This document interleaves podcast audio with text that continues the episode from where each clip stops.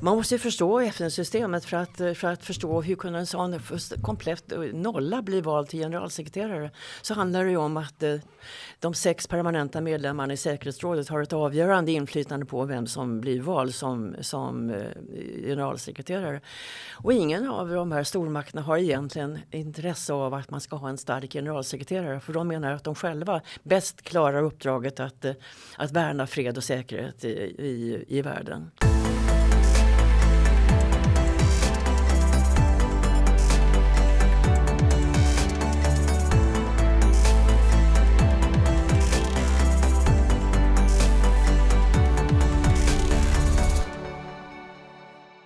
Inga-Britt Ahlenius har arbetat som budgetchef på Finansdepartementet, generaldirektör för Riksrevisionsverket, chef för Riksrevisionen i Kosovo och undergeneralsekreterare i FN.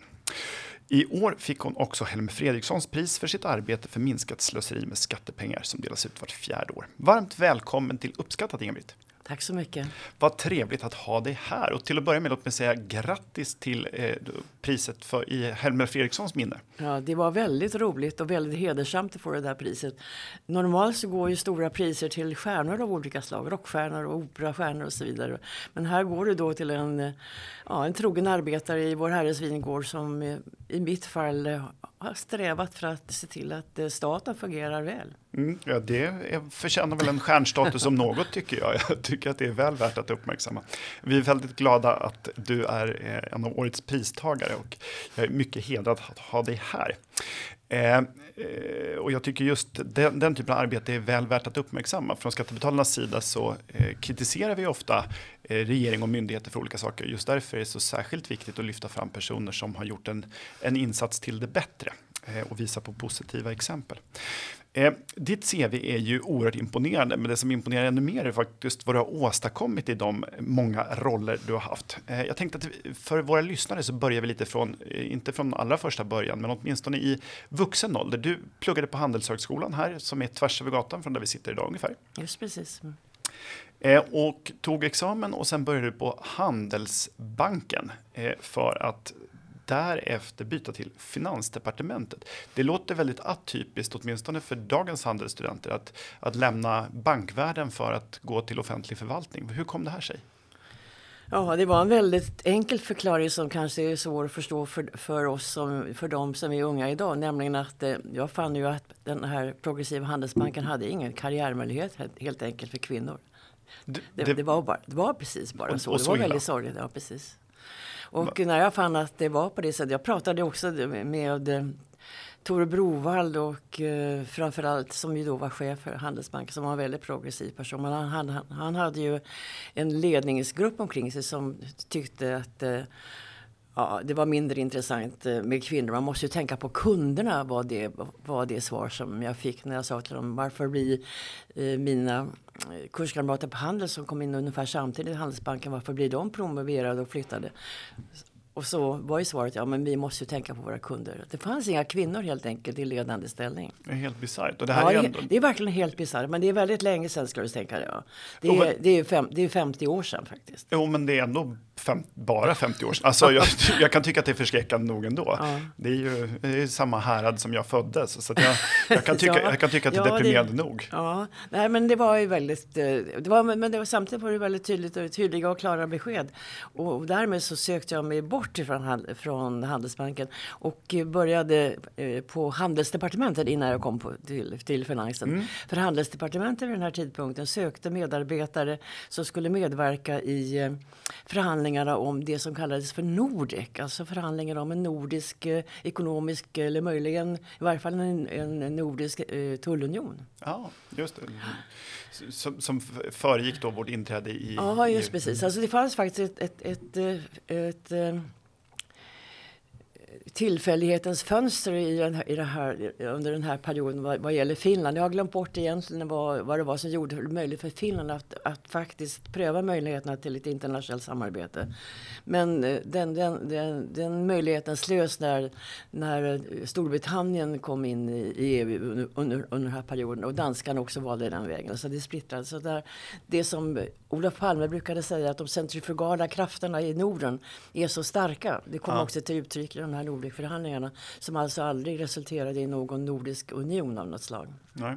Det hade Men nu är vi tillbaka där, alltså till någonting som är, ja, liknar ett, ett sånt nordiskt samarbete. Just det, och vi har, precis, vi har samarbete på en rad olika områden ja. och eh, mm. Stor, Storbritannien har lämnat EU och ja, just, eh, den, den, där diskussionen kan fortsätta i Europa för att det är eh, det, det, slits fram och tillbaka. Det är några som vill ha en ever closer union och andra som, som vill ha en allt mindre. Och det, där, mm. det där ska bli mycket spännande att följa för jag tror inte att, jag tror inte att vägen är utstakad och klar där.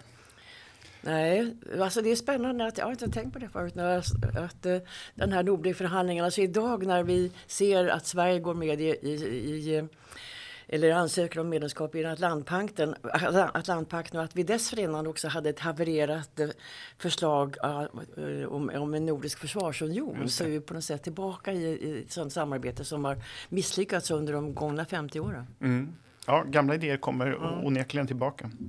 Eh, och efter handelsdepartementet så landade du på eh, finansdepartementet och eh, sedermera som, som budgetchef där. Jag träffade för några veckor sedan en annan eh, tidigare budgetchef, nämligen Max Elger och han är idag finansmarknadsminister. Eh, lockade aldrig den politiska karriären för att vara budgetchef är ändå det är ett, ett tungt och ansvarsfullt jobb, oerhört politiknära. Ja, det är oerhört politiknära, men skillnaden är att det är inte politik inte politik utan det är en tjänstemannauppgift. Och det är nog bland det roligaste och intressant, mest intressanta uppdrag som jag har haft tycker jag. Att vara budgetchef i finansen. Det är verkligen jättekul och väldigt eh, krävande jobb samtidigt. Ja, det måste det vara. Det, det, det, Men det var det otroligt roligt. Alltså det handlar ju om att leda en organisation av 50 personer, av 50 väldigt begåvade och engagerade personer. Ja i ett gemensamt uppdrag att, att mala fram eh, regeringens eh, budgetförslag till eh, riksdagen. Och det jobbet idag, är det ett mer politiserat jobb skulle du säga? Eller, för det här låter som ett, när du var det så var det ett rent tjänstemannajobb, men, men jag misstänker att det, har det skett en politisering här? Ja, det svårt att säga. Så här var det, alltså, jag har ju minnen fram, fram, tillbaka till 1976 då det här stora regeringsskiftet skedde då Socialdemokraterna förlorade regeringsinnehavet efter 40 år i, på, i regeringsställning. Vid den tidpunkten så, så diskuterade, eller så förhandlade de tillträdande part, eh, borgerliga partierna med Socialdemokraterna om vilka tjänster som skulle anses eh, vara politiska. Mm. För Socialdemokraterna hade ju suttit så länge så att gränserna var flytande mellan det som skulle vara tjänstemannauppdrag och politiska uppdrag. Så man förklarade att eh, Statssekreterarna var politiska, de lämnade med regeringen. Men budgetchefsposten sats, äh, eh, innehades vid den tidpunkten av en person som sa jag är politiker men vi, vi menar att den här posten ska vara opolitisk. Och Malisen säger att Socialdemokraterna vid den tidpunkten såg framför sig att de skulle komma tillbaka till makten efter fyra år. De ville absolut inte ha budgetchefsposten politiserad. Mm. Så man sa att budgetchefen vid den tidpunkten lämnade. Men efter, efter den personen så kom en, en, en, en tjänsteman rekryterad ur budgetavdelningen och blev budgetchef. Mm. Så på den vägen har det varit så länge som jag kan överblicka. Ja, ja. Eh, men för du nämner, och du nämner ett sommarprogram som jag lyssnade här på här förleden. Eh, det är från 2006 i och för sig, men, men eh, det är också oerhört spännande och intressant. Eh, men där nämner du att det fanns en ganska stark sammanblandning mellan den politiska ledningen och, och, eh, och tjänstemännen. Ni, jag tror att ni har någon konferens på Bommersvik bland annat. Eh, är det här ett problem som, var det ett stort problem då? Alltså, vid den tidpunkten så var det ju såklart så att eh, Socialdemokraterna hade så länge haft regeringsinnehavet att gränserna var flytande mellan politisk, eh, politiskt uppdrag och tjänsteman, tjänstemannauppdraget. Men vid regeringsskiftet 1976 så skedde faktiskt en, en ett, ett, ett medvetandegörande av budgetavdelningen. Man insåg att man var en, en, en styrka och en, en eh, avdelning som, som tjänade varje regering som sprang ur, ur riksdagen och att man mm. inte var en förlängning av det politiska eh, partiet Socialdemokraterna. Just det, Nej, men jag, jag, kan tänka mig det därför att den här typen av som vi brukar kalla det, oförvitliga tjänstemän som, som ska tjäna just regering oavsett partifärg mm. är ju central om man då har ett system som inte påminner om det amerikanska där, där förval hela förvaltningen byts ut. Mm. Så kallas ett, ett spoil system där man väljer även det vi idag har som, som tjänstemän på politisk väg. Mm. Men då är det också viktigt att det är en helt eh, en opolitisk förvaltning. Alltså kulturen, på, på, 70, jag kom det på våren 76, så var ju den att man, man såg sig själv som en stabsorganisation nästan till den socialdemokratiska regeringen. Mm. Det betyder inte att det var personer som inte var professionella i den här Nej. avdelningen. Tvärtom, det var utomordentligt kvalificerade personer. Min första enhetschef var Odd Engström till exempel. Mm. Ja, och det, som, ju, alltså, ja. som, som ju satte stort märke i Sverige. Ja, absolut, det var en ja. oerhört imponerande person ja. som, som gick bort tyvärr alldeles för tidigt. Mm. Eh, efter några år i näringslivet. Men efter några år på budgetavdelningen så blev du generaldirektör för Riksrevisionsverket, alltså det som idag väl är en riksrevisor på Riksrevisionen. Eh, och det var tack vare dig som vi flyttade ansvaret för Riksrevisionen från regering till riksdag. Var, varför skedde detta och varför var det viktigt? Alltså när jag blev chef för Riksrevisionsverket så var jag helt övertygad om att den lösning som Sverige hade, nämligen att, eh, att Riksrevisionsverket var en myndighet under regeringen, det var, så skulle det vara och så borde alla i hela världen ha det. Och det, det Eh, var först när jag kom ut i det internationella samarbetet mellan riksrevisionerna i de europeiska länderna som jag insåg att Sverige var helt ensam. Mm. Det var bara eh, Sverige som hade en revisionsmyndighet som lydde under regeringen. Och det som eh, gav mig ytterligare information om det var att de första mötena som jag var med på i det här europeiska samarbetet var, var eh, så deltog för första gången kandidatländerna till eh, EU. Alltså Polen, Tjeckien, Slovakien vid den tidpunkten eh, och, och några andra. Och, och, och, och, eh, diskussionen fokuserades väldigt starkt på behovet av att man skulle grundlagsfästa en oberoende revision i de här länderna som krav för tillträde till Europeiska unionen eller EU. Det hette väl inte EU på den tiden, men, men Europeiska mm. unionen. Mm. Och det öppnade ju mina ögon för att, jaha, alltså i, i de övriga länderna, inte bara i Europa utan i, i världen i övrigt, så var en lagfäst statlig revision en del av den demokratiska arkitekturen.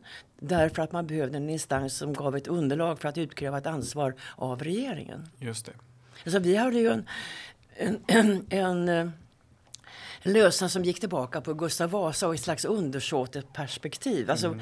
Vid högtidliga tillfällen så kunde jag säga att RRV hade sin bak, bakgrund i, i Gustav, Vasa, Gustav Vasas räknekammare.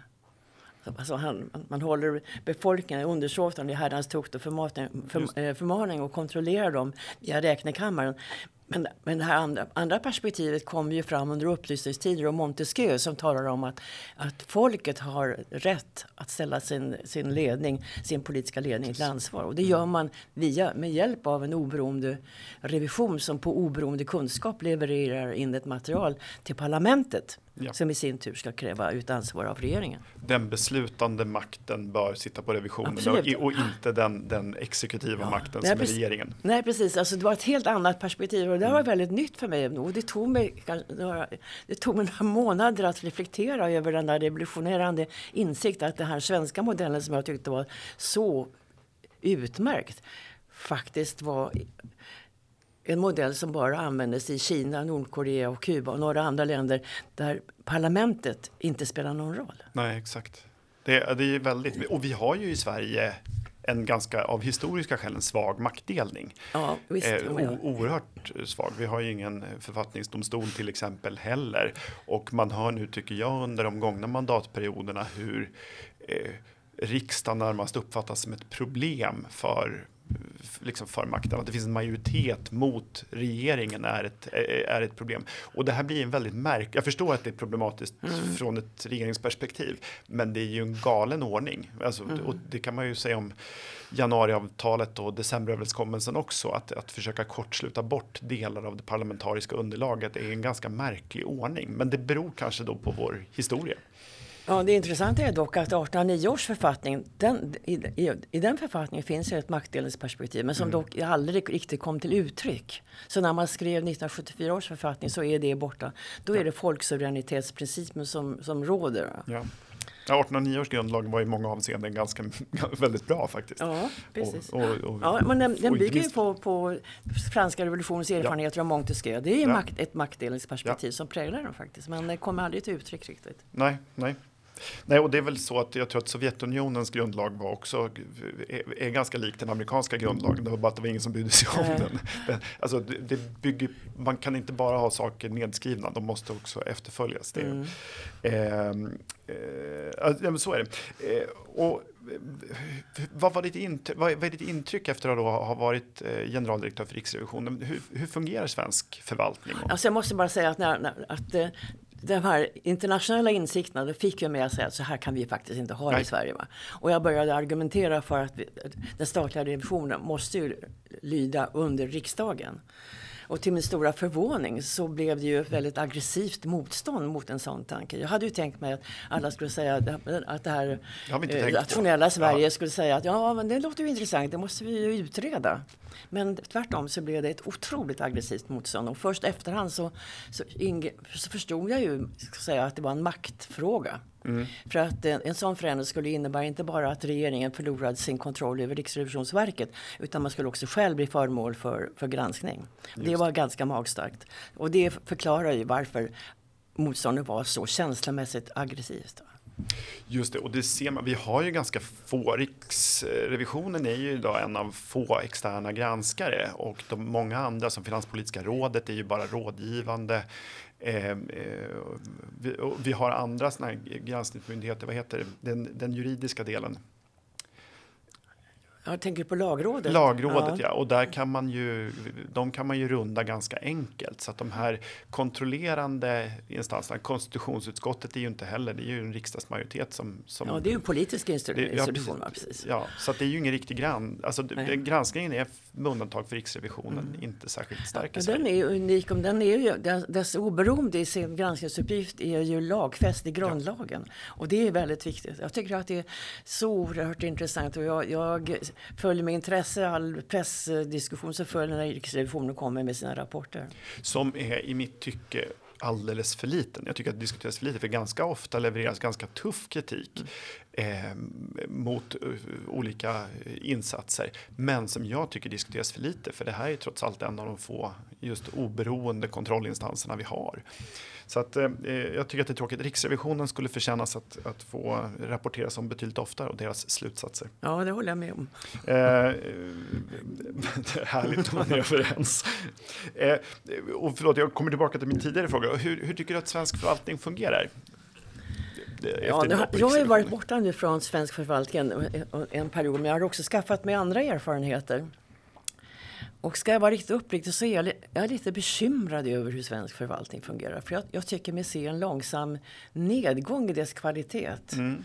Och jag har också fungerat, funderat över mycket vad det beror på. Eh, Världsbanken skrev eh, vid sekelskiftet en, sin årsrapport eh, under rubriken The State in a Changing World. Budskapet var riktat till framförallt till utvecklingsländerna men det gäller i, att, att, att, naturligtvis som budskap också till utvecklade länder. Och budskapet är att det blir ingen utveckling i, i ett land om man inte har en välfungerande stat av hög kvalitet. Och i den här rapporten så pekar man på ett, ett antal rekvisit som krävs för att man ska se till att man får en, en välfungerande stat. Det är klart att när, när, när budskapet riktas mot eh, u-länderna så talar man väldigt mycket om, om korruption och att det, hin- det handlar om att förhindra korruption etc. Men i centrum för en sån välfungerande stat så står ju till exempel eh, rekryteringen av personal av, av tjänstemän till staten. Men jag ska, vill helst inte säga personal faktiskt, utan jag vill säga tjänstemän eller ämbetsmän till staten. Och att, eh, att, Riksbank, eller att Världsbanken i den eh, studien pekar på hur viktigt det är att man ska basera rekrytering på meriter och att det ska ske en, en rekrytering med öppenhet. Sen pekar naturligtvis eh, Världsbanken på den här eh, frågan om balanserande krafter mot den beslutande politiska nivån också som en utgångspunkt. Eh, Och din oro mer konkret, är, det en, är rekryteringen är problemet att man rekryterar för, för svag personal eller är den inte meritbaserad? Eller? Ja, så min, min oro baserar sig på på den rapportering som vi får ifrån hur, sta, hur staten fungerar. Då skulle jag där skilja på staten som sådan och kommunen som sådan. I, i, i EU-perspektiv och internationellt perspektiv så skiljer man inte på kommun och stat. Utan alltihopa är government och det är slutligen så är det riksdagens och det är statens ansvar. Men, men eh, stat och kommun i Sverige är uppbyggda på helt olika sätt och fungerar på olika sätt. Så att eh, om vi, om vi talar om kommunerna så är ju rapporteringen från kommunerna otroligt nedslående. För mm. där har vi ju återkommande rapporteringar om misshushållning, att inte tala om korruption och vanskötsel av kommunerna.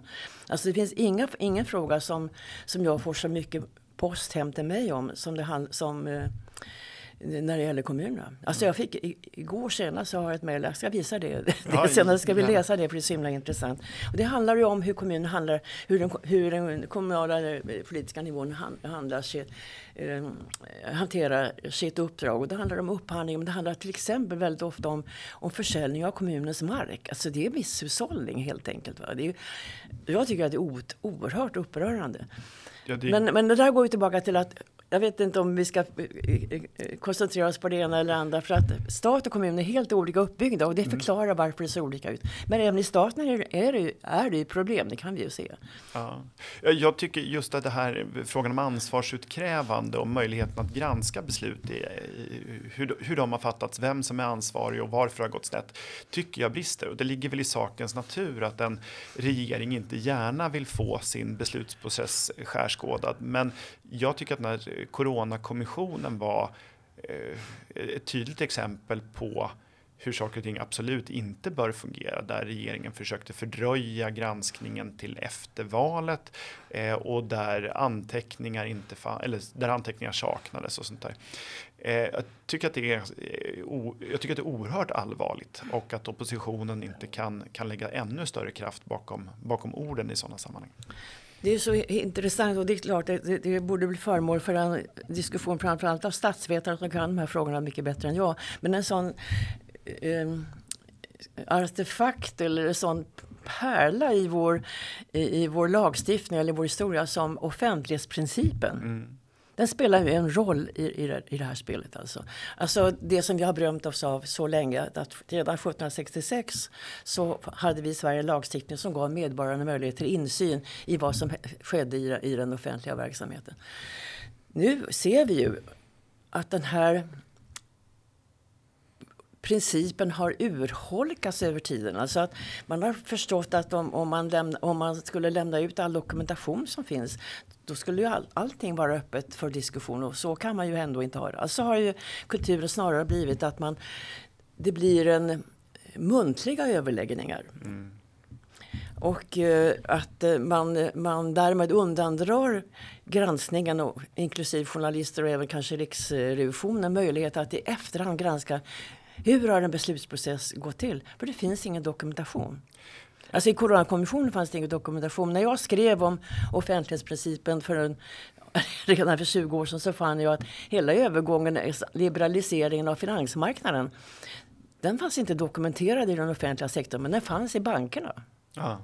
Så att, så, att, ja, så, att, så att forskarna kunde få tillgång. Alltså, vi har ju genom den här offentlighetsprincipen och genom den, den muntliga traditionen och den informella hanteringen av världen så har vi undandragit historien möjlighet att granska, granska och granskare möjlighet att granska och, och också ska vi säga, eh, journalisterna att, eh, att eh, få tillgång till verkligt intressant eh, information som är dokumenterad i skriftlig form. Nu, är det mest skandaler som man kan få tag på, inte sant? Ja, Nej, och jag har, vi har varit med om från vårt håll att eh, uppgifter har sekretessbelagts av affärsskäl.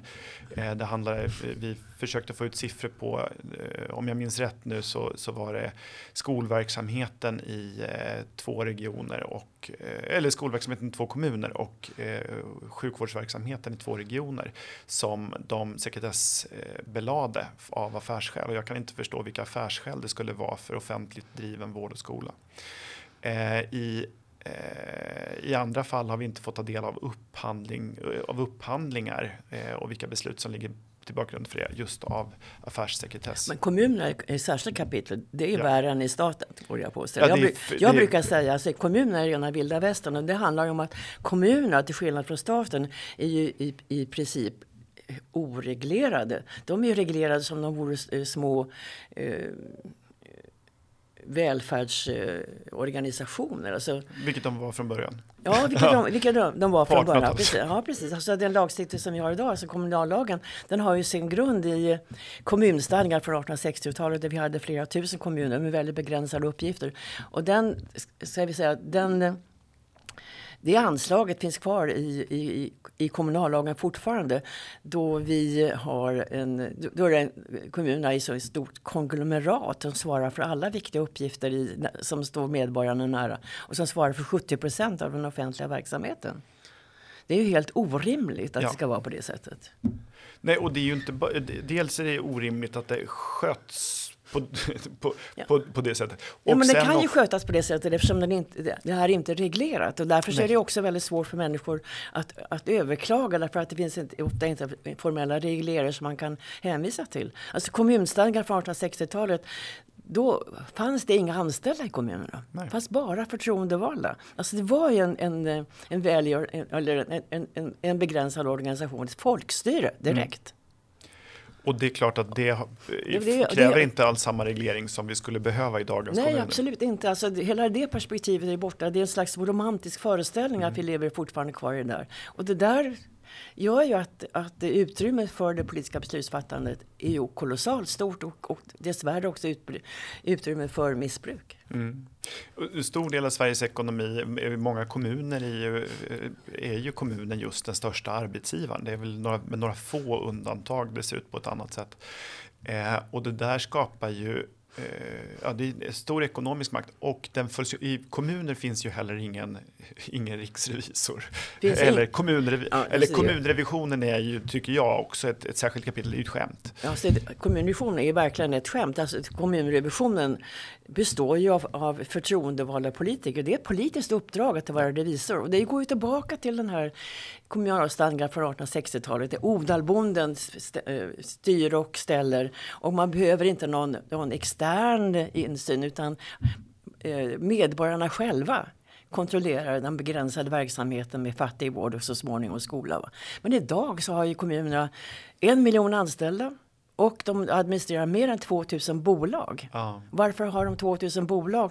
Jo, därför att de inte har någon myndighetsform som i reglerad ordning kan bedriva kommunal verksamhet. Och då blir det just det du beskriver som vilda västern. Alltså, alltså, tiden är mogen för en ny kommunallag som ja. verkligen ser till att kommunerna blir reglerade på ett rimligt sätt med tanke på den omfattande och komplexa verksamhet som de har ansvar för. Exakt, ja, men vi, har ju, vi tittar ju mycket på kommunal verksamhet även om vi sällan kan djupdyka. Men vi skrev en rapport om, om Göteborgs stad eh, och deras affärer för, för, för några år sedan. Att Jan Jörnmark gör det och det var ju förskräckande. Alltså man, man använder kommunens eh, pengar och använder bolag för att eh, bedriva näringsverksamhet i andra kommuner. Och, eh, och som sagt, uppföljningen är mycket begränsad och som du säger så är ju kommunrevisionen politisk och inte sällan består ju revisionen av politiker som tidigare har suttit i fullmäktige och alltså ska granska sina egna beslut. Mm. Och det är ju en ordning som är helt vansinnig. Alltså, vi ska ju tacka Uppdrag granskning för och, och pressen därefter som, som faktiskt avslöjade hur det såg ut i Göteborg. Ja. Så, att, så, att, allmänheten får, får, får klart för sig hur det ser ut. Och, och jag vågar påstå att det ser fortfarande likadant ut i Göteborg. För att det no, flera år efter Uppdrag granskning så kom det ju affärer till stånd som, vis, till stånd, som visar att den här lättsinniga hanteringen av medborgarnas pengar och attityderna till hur, vad man får göra eller inte göra, det sitter i väggarna. Man har inte klart för sig vad korruption är. Nej. Korruption är ju missbruk av förtroende. Det är inte bara mutor utan det är hela kulturen hur man hanterar sitt uppdrag. Ja. Och, eh, exakt, och, och det här är ju, dels tycker jag att det fortfarande är underrapporterat även om Göteborg har belysts, mm. eh, belysts i, i delar. Och sen så tycker jag att det här leder mig in på då frågan på det här ansvarsutkrävandet som jag tycker är så oerhört bristande. Därför att när den här typen av skandaler uppmärksammas så ställs ingen riktigt till ansvars. I värsta fall så är det någon som, som blir avskedad eller omplacerad. Men det sker ingen riktig utredning om vad som har hänt. Hade det här varit på, en, på något av de företag eller organisationer jag jobbat på tidigare där den här typen av misskötsel skulle ha uppdagats så skulle man gå till botten med problemet och se vilka som är inblandade, vad det här beror på, ställa de som är ansvariga till svars och reda ut så att det här inte kan hända igen. Men mm. i kommuner och delvis i, i, i stat och regioner så, så rycker man på axlarna och går vidare. Alltså vi har, det finns, rent allmänt så tycker jag mig säga, kunna säga att det finns ingen kultur av ansvarsutkrävande eller av ansvarsuttagande. Återigen så får man skilja mellan kommun och stat. För att i, i kommunerna så finns, så, alltså, till, till eh, min stora förvåning så fick jag helt nyligen klart för mig att de anställda i kommunen, de är inte reglerade i lagen om offentlig anställning. Mm. För att, för att de är inte ämbetsmän eller, eller, eller tjänstemän i, i staten eller i offentlig sektor. De är någon slags konsulter eller ja, någon slags, eh, ja, de har ett anställningsförhållande till, till kommunen. Och det gör ju att de, en ekonomichef som blir lite o, eh, misshaglig sådär kan man ju göra sig av med i kommunledningen om man tycker att det verkar, verkar bekvämt. Man kan köpa ut vederbörande. Och eh, den politiska nivån själv ställs ut till ansvar i föreställningen i allmänna val vart fjärde år. Och, och eh, att kräva ut ansvar i val är en väldigt trubbig metod för att valet är hela tiden riktat framåt, inte sant? Mm. Och, och ansvarsutkrävandet eh, blir helt sekundärt och dessutom så rör ju valhandlingen rör ju partiet inte enskilda personer. Exakt. I staten är det annorlunda, men när mm. vi kan diskutera det. I kommunerna så är det fortfarande, alltså det finns inte tillräcklig eh, åtskillnad mellan vad som är politiskt ansvar och, och ämbetsmannaansvar. Generellt så är allting politikernas ansvar. Och föreställningen är att politikerna ställs just till ansvar vart fjärde år i allmänna val. Mm och det är ju en mycket märklig ordning, för det argumentet har jag också fått, att just eh, det ansvar, det ansvar vi tar, det tar vi vart fjärde år när väljarna fäller sin dom. Mm. Men det är ju ibland ganska svårt och ibland är det ju eh, koalitioner som regerar kommuner, det är väldigt oklart vem som, vem som har fattat olika beslut, om det är politiker eller om det är tjänstemän. Och så ska man ju inte glömma att även om det finns en konkurrenssituation mellan partier i en kommun, så finns det också ett gemensamt intresse av att inte bli ställd till ansvar, även om man sitter i opposition så hoppas man ju på att sitta i majoritet och då få samma behandling som den nuvarande. Ja, absolut. Alltså, eh, eh, enligt eh, reglerna så ska ju till exempel kommunrevisionen spela en roll i att ställa, ställa kommunledningen till ansvar. Men i praktiken så fungerar ju det inte heller. Det finns en del exempel på det. Det är ett uppenbart exempel som jag känner till men som ligger långt tillbaka i tiden men som ändå är symptomatiskt. Det är ju en affär från, från Gävle för en sju, åtta år sedan då man upptäckte eh, bedrägerier i en av, en av gymnasieskolorna. Och det blev eh, räfst och rättarting. Och eh, revisorerna kan inte ena sig om, alltså revisorerna som då eh, eh speglar kommunfullmäktige sammansättning, de kan inte ena sig om att ställa den här nämnden till ansvar. Så man reser aldrig ansvarsfrågan. Mm. Och det är förfärligt. Jag, när jag fick tips här, här förleden om en, en kommun där, man hade, där revisorn hade, hade föreslagit att man inte skulle ge ansvarsfrihet till kommunfullmäktige. Och, eh, eller kommunstyrelsen blir det rimligen. Eh, och den, det hade helt sonika bara röstats ner av, av just fullmäktige. Så att, ja. att revisionen sen ändå gör, när den ändå gör sitt jobb så är det inte säkert att de blir hörsammade. Nej, nej absolut att, inte. Alltså, eh, de studier som har gjorts, jag, jag tror att Statskontoret gjorde en studie för ett antal år sedan pekar på att merparten, alltså nästan inga av de här eh, eh, tillfällena då revisorerna faktiskt kommer fram till ett kritiskt eh, ställningstagande gemensamt kommer, blir det någon effekt av därför att det röstas ner av kommunfullmäktige. Mm. Ja, och det är en helt vansinnig ordning. Och särskilt, särskilt i kombination med hur litet intresset är för kommunpolitik på de flesta håll. Många kommuner har inte ens en egen lokaltidning utan man delar den mellan flera. Mm. Och det är svårt att bevaka och ganska jobbig materia att sätta sig in i eh, för en, en, en lokal journalist. Det gör att granskningen uteblir ju nästan alltså helt och hållet. Och där är ju inte ens public service-medierna särskilt på fötterna och alerta. Vi har några undantag. Sörmlands Nyheter har Eh, en kille som heter Kägö som, som har granskat både regioner och kommuner på ett framgångsrikt sätt. Men det är ett av de få exempel jag har sett sedan eh, vad heter hon, Eva Citron va? Ja, just det. Som, som, Britt-Marie Citron. Britt-Marie Citron. Som. Ja, men det är det stora lysande undantaget. Ja, Motala, men det är väl 20 år sedan? Ja, det är 20 år sedan. Ja, men det var ju ett, fant ett fantastiskt avslöjande. Ja, men, men det avslöjar också hur, hur, hur, ska vi säga, besvärlig och komplicerad granskningen är på kommunal nivå. För hon kom ju som vikarie till Motala Nyheter där chefredaktören ja, går väl i pension. Och chefredaktören har ju suttit i samma Rotary-klubb som, ja. som äh, heter det, kommunalrådet. Äh. Och äh, när hon kommer dit så vänder hon ju på alla möjliga stenar och då finner hon ju den här ja, helt rent av en, en korrupt miljö. Ja, helt vansinnigt. Och jag tror ju att, att det här inte Eh, det, det, är ju inget enskilt undantag. Det var ju bara det, just det exemplet som avslöjades yes, och Göteborg. Men jag är ja. övertygad om att det finns ett otal fler exempel som, som, som skulle kunna ja. dyka upp. Ja, alltså regleringen, eller den bristande regleringen pekar ju helt enkelt på att det finns inte några gränser för hur man kan hantera sitt uppdrag. Det hänger helt enkelt på om det finns personer i, i ansvarig ställning som inser att det finns en, en ska säga, en, en moralisk gräns. Men alltså regleringen som sådan gör inte det här omöjligt. Hur, vad borde vi göra? Hur skulle ny man... kommunallag måste en vi ha. kommunallag. Absolut. Med en mycket starkare revision. Ja, men det handlar också om att, att fastställa ansvarstagande. Alltså man måste ha en intern kontroll och starta med en internkontroll som ligger bestämt i ansvar på något, på något ställe på en tjänstemannanivå. Och man måste fastställa gränserna mellan politik, politikernas ansvar och tjänstemännens ansvar. Man måste antagligen tror jag, reglera också tjänstemännens eh, eh, ställning i kommunerna på liknande sätt som man gör i staten. Just det. Och man måste, tycker jag, inrätta en myndighetsform. Därför att brist på en myndighetsform som tillåter insyn enligt lagen så, så, så bildar kommunerna bolag. Och då har man ju fjärmat sig från, tycker jag också, det centrala uppdraget att eh, arbeta i medborgarens tjänst. För, för eh, aktiebolagslagen är ju gjord för någonting helt annat. Va? Att ja. man ska eh, arbeta på en marknad och, och, eh, få, eh, och få en vinst på sin verksamhet. Och det gör de ju oerhört gärna. Och, det, och där har vi också eh, många exempel på där kommunen till exempel bedriver konkurrerande näringslivs, näringsverksamhet eh, mot privata aktörer.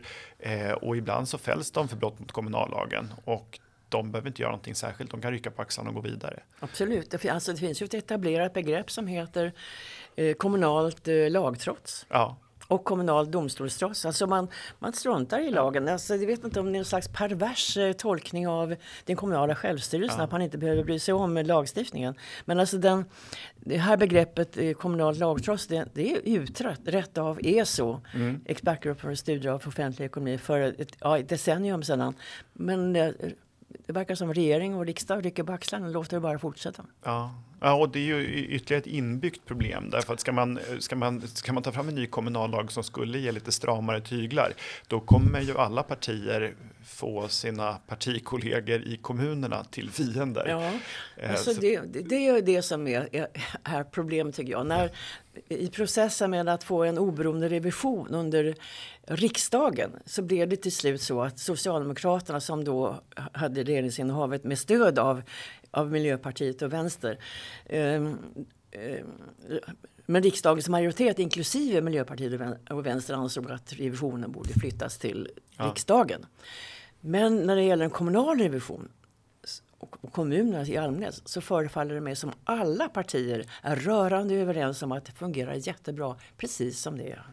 Det, för det är och, då, och det är väldigt svårt att åstadkomma en, en, en reformering. Och jag menar en reformering som är alldeles nödvändig. Det, för det är roligt i vilda västern. Ja, det, det, det är skönt. Skulle vi behöva ett tjänstemannaansvar? Ja, det tror jag. Eh, nu, nu, alltså den tjänstemannaansvar för, äh, försvann ju för 50 år sedan ungefär. Sen återfördes den, återinfördes den i mer begränsat skick. Och eh, tjänstemannaansvaret i eh, staten eh, gäller nu bara eh, myndighetsbeslut.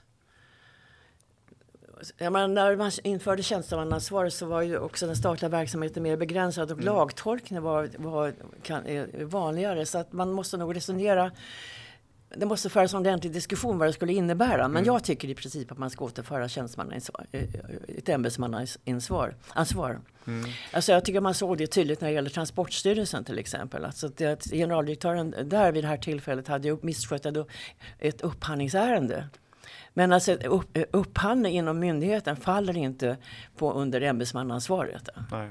Eh, och det, där... och det var inte myndighetsutövning, utan var en intern fråga. Ja, och det där tycker jag är problematiskt. När man läser eh, regeringens, eller den utredningen som gjordes om tjänstemannaansvaret, för där beslutade ju en enig riksdag här för fyra år sedan är det väl eh, ungefär, som, som riksdagen enigt beslutade om att man skulle utreda ett nytt tjänstemannaansvar. Regeringen eh, och justitiedepartementet drog benen efter sig och till slut tillsatte man en utredning mm. som skulle titta på om det behövdes, det vill säga inte alls riksdagens uppdrag. Så redan där tycker jag att det är märkligt. Eh, och då landar man i att eh, tjänstemän redan idag utstår så mycket hot och hat från olika håll att ett tjänstemannaansvar skulle förvärra situationen. Jag ser det ju snarare som tvärtom. Dels är det här ett sätt att eh, dels är det ett sätt att faktiskt kunna utkräva ansvar från tjänstemän som, som gör direkta felaktigheter. Men vad som är lika viktigt är att höja tjänstemännens status mot politiker så att man inte tvingas eller förleds att fatta felaktiga beslut om man vet att man själv kan, kan eh, få en reprimand för det som är, som är tuff. Eh, så jag tycker nog att det här är någonting som för att stärka ämbetsmannarollen. Alltså tjänstemannaansvar är inte för att hänga ut enskilda i parti och minut utan för att tvärtom stärka deras roll och deras oberoende. Ja, som du beskriver så låter det faktiskt helt bisarrt. Om jag minns rätt nu så var ett motiv när man avskaffade ämbetsmannaansvaret det var ju att det hade aldrig åberopats. Nej. Och då har man ju glömt att, eh, att det har naturligtvis legat som ett, ett, ett, ett, ett, tyst eh, regelverk omkring. Precis. Och så bara avskaffar man det. Ja. Ja, och att det i sig skapar ett ja, tryck ja. och, en, kultur. Men, alltså, frågan är också aktuell tycker jag när det gäller de kommunala beslutsfattarna. Alltså att eh, tjänstemännen i kommunen, särskilt i de social, eh, socialnämnderna som fattar väldigt eh, svåra beslut. Ja. För där är det ju så att eh, tjänstemännen skriver under de här besluten. Just det. Och då, öppna, då, då blottas de ju för för ja, alla ja. möjliga angrepp och hot och, och, och, som är realitet i Göteborg och andra kommuner. Och där vet vi, det är ju belagt. Ja. ja, precis, för det är ju också det är en annan viktig fråga att mm. skydda tjänstemän ja, just precis. mot den nya, ganska bistra verklighet vi befinner oss i. Där, där... där borde politikerna då alltså, ställa sig bakom beslutet som sådant. Va? Exakt. Mm. Ja, ja, men det där är en annan, annan, annan Det är en annan fråga, men den, den är viktig nog. För att, alltså, ofta när vi diskuterar tjänstemannaansvar så verkar det som att vi vill kunna peka, peka ut ansvariga och, och, och skälla på dem offentligt. Och det kan säkert behövas i, mm. i några enskilda fall. Men i grunden handlar det just om att stärka ämbetsmannens ja, roll i, i det offentliga. Ja, För det är helt centralt mm, att vi mm. har oförvitliga tjänstemän som fattar kloka och genomtänkta beslut. Och det här är ju inte för att ett, ett, ett enskilt misstag ska, ska förstöra någons karriär utan för att man just ska kunna ta ett större ansvar. Men du har, har synpunkter även på hur det sker i den statliga förvaltningen?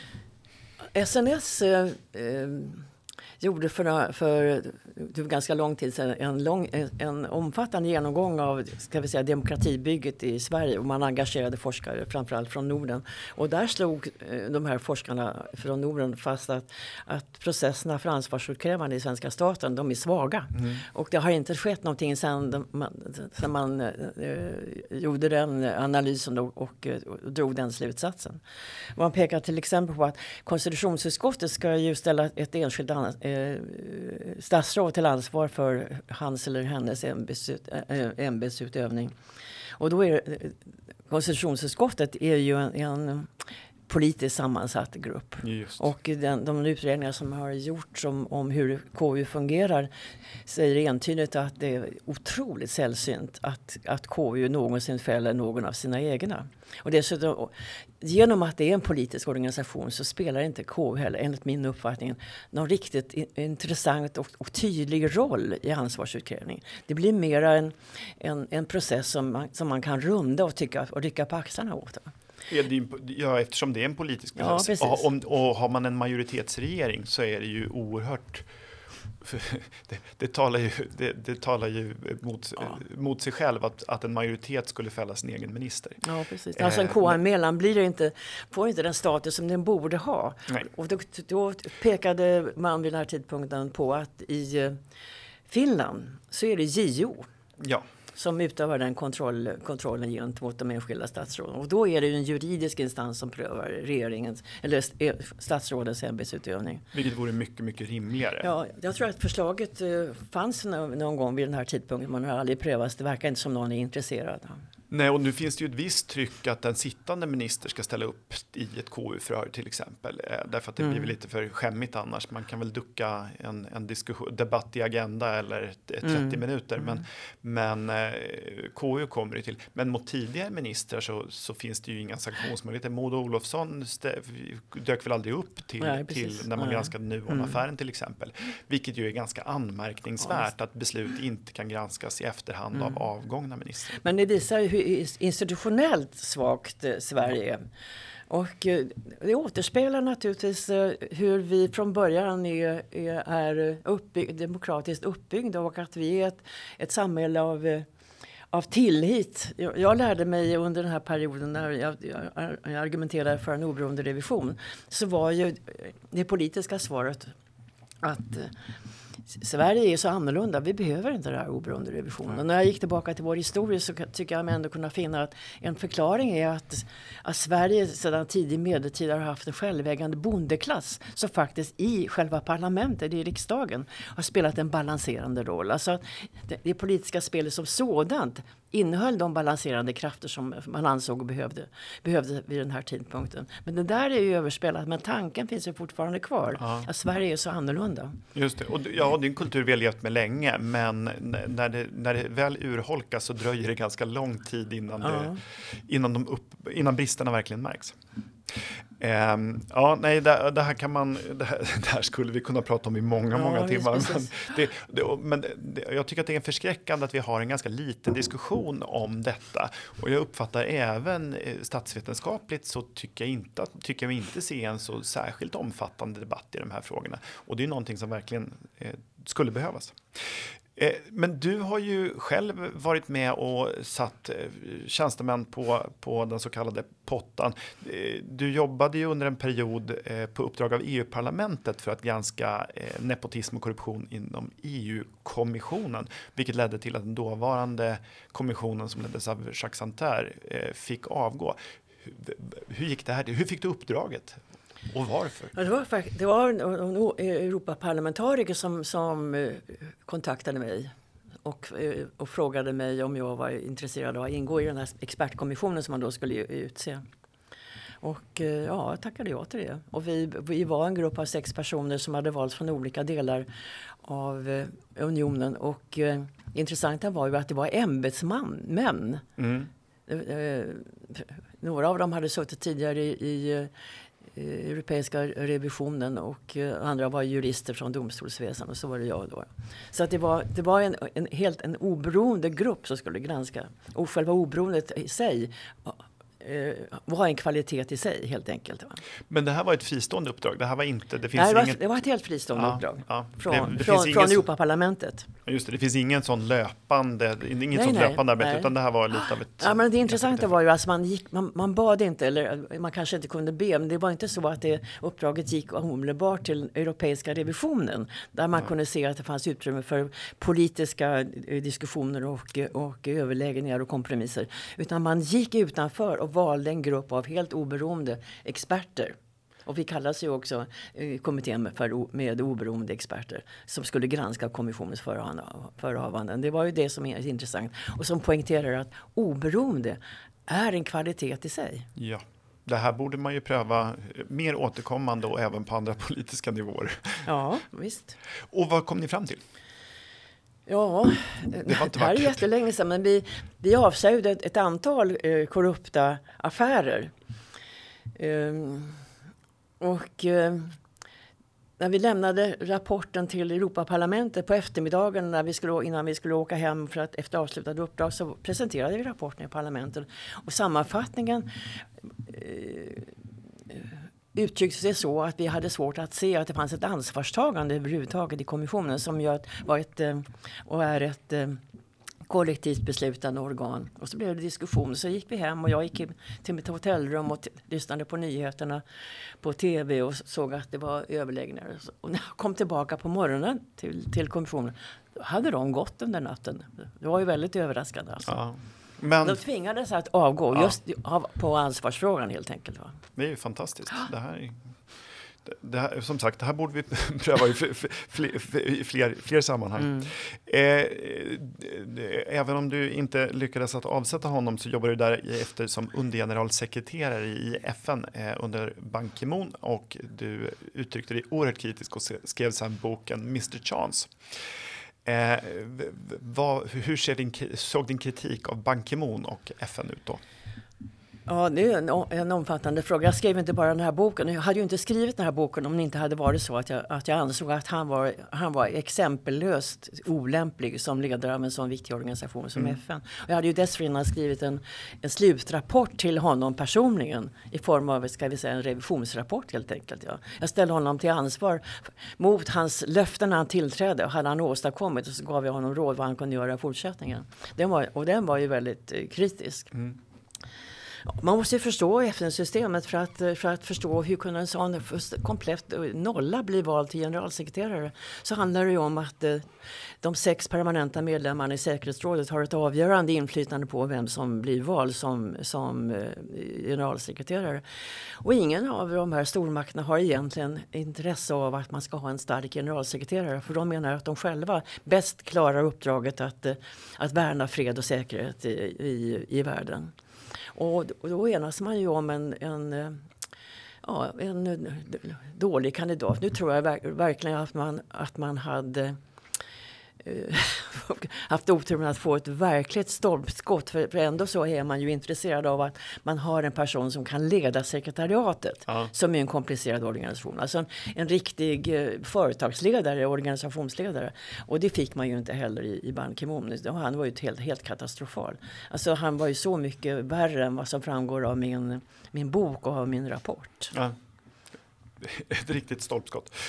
ja, nej, men alltså han, eh, eh, i, i, i, en bok så nämner jag till exempel att, eh, att jag läste John Boltons så den amerikanska FN-ambassadörens memoarer eller, eller, eller bok och berättelser om hans, hans, hans period i FN. Där han beskriver att när Ban Ki-Moon mötte president Bush så fick han helt enkelt instruktioner hur han skulle hantera sekretariatet. Han skulle göra sig av med, med medarbetarna som fanns runt Kofi Annan eftersom han ogillade den kultur som fanns där. Och det gjorde han ju snällt. Ja. Och amerikanerna fick ju vid den tidpunkten också chefspositionen för alltså chefen för den politiska avdelningen. Alltså någonting som hade varit helt otänkbart tidigare. Alltså att amerikanerna som den största bidragsgivaren också skulle ha posten som chef för den politiska avdelningen och mm. så vidare. Och Tyskland måste ju ha en post också eftersom de är stora givare och så vidare. Så har man ju ett helt redskap för de här eh, eh, storma, eh, stormakternas eh, intressen. I stark kontrast till man kan se hur, hur Dag Hammarskjöld en gång i världen hanterade sitt uppdrag. Och även Kofi Annan. Just det. Eh, det gäller, alltså, apropå att vara en oförvitlig tjänsteman, Absolut. det gäller att ta uppdraget på största allvar och, och eh, se vad man ska åstadkomma snarare än att hela tiden lyssna till de som är stakeholders. Ja, precis. Sen, sen är det, sen väljs generalsekreteraren på fem år så kan han bli omvald enligt praxis. Och det betyder ju att han under de här första fem åren så finns det inbyggt en tendens om att, ska, att man ska hålla sig väl med stormakterna för att få sitt mandat förnyat. Så jag menar att en, en central reform skulle vara att man ska bara ha eh, en periods eh, mandat för generalsekreteraren. Så att det är möjlighet för, för personen i fråga att faktiskt stå upp mot stormakternas intressen. Just det, och kunna köra på utan att riskera ja, att Stå, stå på FN-stadgan tydligt då, mot eh, de här imperialistiska stormakternas intressen. Mm. Där vi, ser, vi ser ett fortsatt förfall, tycker jag, i, i, i FN efter en period på tio år med Ban Ki-Moon. Det, alltså, det har ju väldigt allvarliga konsekvenser ja. ner i organisationen med en sån svag ledare. Mm. och det tar ganska, att, att bygga starka organisationer tar väldigt lång tid. Att rasera dem går ganska fort. Ja, och dessutom alltså, med Ban Ki-Moon som var utrikesminister i, i Sydkorea så vet ju alla vem som skötte Sydkoreas utrikespolitik. Det var ju amerikanerna och de var ju ja. väldigt intresserade av att få en svag chef för, för FN. Som var van att lyssna. Som var van att lyssna och som inte hade någon erfarenhet av att, att leda en sån komplicerad organisation som det här sekretariatet är. Med, med fredsbevarande insatser och med kont regionala kontor över hela världen. Det är en jättestor ledningsuppgift. Mm. Ja, det är otroligt komplicerat. Ja, precis. Och han var ointresserad av det. Han, bara, han gillade bara att gå på röda mattor. Och, och uh... Det låter i och för sig trevligt. Eller jag vet ja. inte om jag ska veta. Ja, det skrev jag om, om i min bok. Ja, ja. Eh, eh, jag misstänker att ni inte har regelbunden telefonkontakt. Nej, verkligen inte. Han var alltså en, en vänlig person, men helt oduglig. Ja. Tyvärr. I, I, andra då, delen av alltså, så oduglighet och ansvarsutkrävande finns det, vi kritiserar återkommande det som skulle kunna beskrivas som myndighetsaktivism, alltså att man går för långt i sitt uppdrag. Är det här någonting du märker också? Är det, och i så fall är det värre än förr? Alltså, du ska komma ihåg att det är, det är ett tag sedan jag arbetade i, i, i, myndighet. Men jag tycker mig se en sån här aktivism. Och det måste ju gå tillbaka till hur man rekryterar personalen. Mm. Och hur, hur eh, ska vi säga, ämbetsmannarollen är urholkad. Bland annat genom att man avskaffade ämbetsmannaansvaret men också genom den stora styrningsreformen på, på 80-talet. Alltså där ämbetsmannen blev en vanlig anställd egentligen. Då. Men alltså jag kommer tillbaka till det här, alltså det som är så centralt för en välfungerande förvaltning, det är ju att man verkligen håller på grundlagens bestämmelser om att rekrytering till tjänst i den statliga verksamheten ska ske på meriter. Endast förtjänst och skicklighet står det i grundlagen. Och i så fall har vi väldigt skickliga före detta politiker i Sverige. Ja, absolut. Nej, men alltså, det finns ju inte någon uppföljning till, till grundlagens bestämmelser. Utan lagen om offentlig anställning omformulerar till att skriva bara. Men regeringen ska ju själv då tolka vad som är förtjänst och skicklighet. Och det gör man med en väldigt vid tolkning uppenbarligen. Ja, för det har vi ju. Jag vet att Timbro släppte en rapport här eh, nu under våren som, som visar att det är en väldigt väldigt många som är, kommer från det politiska hållet och väldigt många från inte minst regeringspartiet. Eh, och ju större, större och eh, myndighet med många anställda, desto vanligare är det att, att det är en, en eh, från regeringspartiet som har tagit över den. Eh, riskerar det där också, förutom då att det är väl svårt att tänka sig att de mest kompetenta personerna eller meriterade personerna skulle komma så ofta från politiskt håll. Finns det en risk att det här ökar aktivismen, att man fortsätter i sin roll som myndighetschef, inte alltid, men att risken finns att man som myndighetschef har en, eh, känner att man har en politisk agenda också. Absolut. Alltså mm. Jag tror att man, att, att det är två olika uppgifter att vara politiker och vara mm. ämbetsman. Och det är klart att det är svårt för en politiker kanske att, att sätta sig in i en helt ny roll, att mera anonymt leda ett, en viktig och stor myndighet i Sverige. Och det, det, är ju därför som den här utnämningsprocessen är så himla viktig. Och den måste ju regleras också för regeringen när det gäller att utse generaldirektörer och verkschefer. Eh, FNs antikorruptionsstadga skriver väldigt tydligt att eh, en eh, utnämning av tjänster i, i staten ska ske under transparens och att, man ska, att eh, rekryteringen ska ske på, på meriter. Sverige, Sverige har ju undertecknat eh, antikorruptionsstadgan. Ja. Och, eh, men man lever ju inte upp till den. Det, det, är några enkla krav som borde regleras i, då, uppenbarligen i lag för regeringen. Att man ska utlysa tjänsterna och att man ska anse, ange tydliga krav, alltså en kravspecifikation för de här verkschefernas eh, uppgifter. Och mot, mot, mot de kraven så kan ju då en granskande allmänhet se om man har fått rätt person eller inte. När, vi, när jag var i den här kommissionen som granskade EU-kommissionen så fanns på mitt bord ett ärende som rörde att en, en kommissionär hade anställt sin eh, gode vän tandläkaren Monsieur Berthelot som, som eh, eh forskningsspecialist. Eh, och det var ju väldigt lätt för oss med tillgång till, till, till kravspecifikationen och hans CV att säga att eh, han, han fyllde ju inte de här kraven som man, som man skulle kräva för den här de, särskilda posten. Så vi kunde ju konstatera och dra slutsatsen att unionen har inte fått valuta för sina pengar. Nej. Och så enkelt är det. Man ska kräva av regeringen att man har en transparent utlysningsprocess. Man ska annonsera tjänsterna, man ska, man ska vara så kunnig om sin förvaltning att man ska veta vad är det för krav man ställer för just precis den här chefen för den här myndigheten. Och sen så ska allmänheten kunna granska och forskningen etc. se har man fått rätt person? Har man fått den, den bästa av de här? Och så får man ha någon, någon process som innebär att man en, eh, en oberoende grupp granskar meriterna och så får regeringen tre förslag att välja mellan. Ja, ja nej, men ett, ett flagrant exempel är när Karin Jämtin blev chef för Sida utan att ens ha sökt jobbet. Alltså då är det svårt att ha en transparensprocess när, när personer ja, handplockas från regeringshåll. Jag tycker att det är helt skam, skamlöst att hantera uppdrag ja. på det sättet. Va? Och jag vill inte beröva regeringen dess utnämningsmakt. Nej. Det tycker jag är viktigt. Man ska inte heller blanda in riksdagen som jag vet att Timbro-rapporten föreslår. Ja. Det ska man inte göra tycker jag. Utan man ska se till att man får en process som är eh, öppen och där man har en, en, en, en, ja, en granskningsgrupp som, som granskar de meriter som finns bland de som söker. Och sen mm. ska regeringen naturligtvis få möjlighet att välja och utse. Just det, och det är viktigt. Är man den exekutiva makten Absolut. bör ju ha det, det privilegiet. Absolut. Men processen bör vara mer transparent och tydlig. Eh, vad bra. Vi börjar närma oss slutet av vårt samtal. Det här är ju otroligt roligt och spännande. Men eh, jag vill bara avsluta med, du är ju ledamot i Transparency International.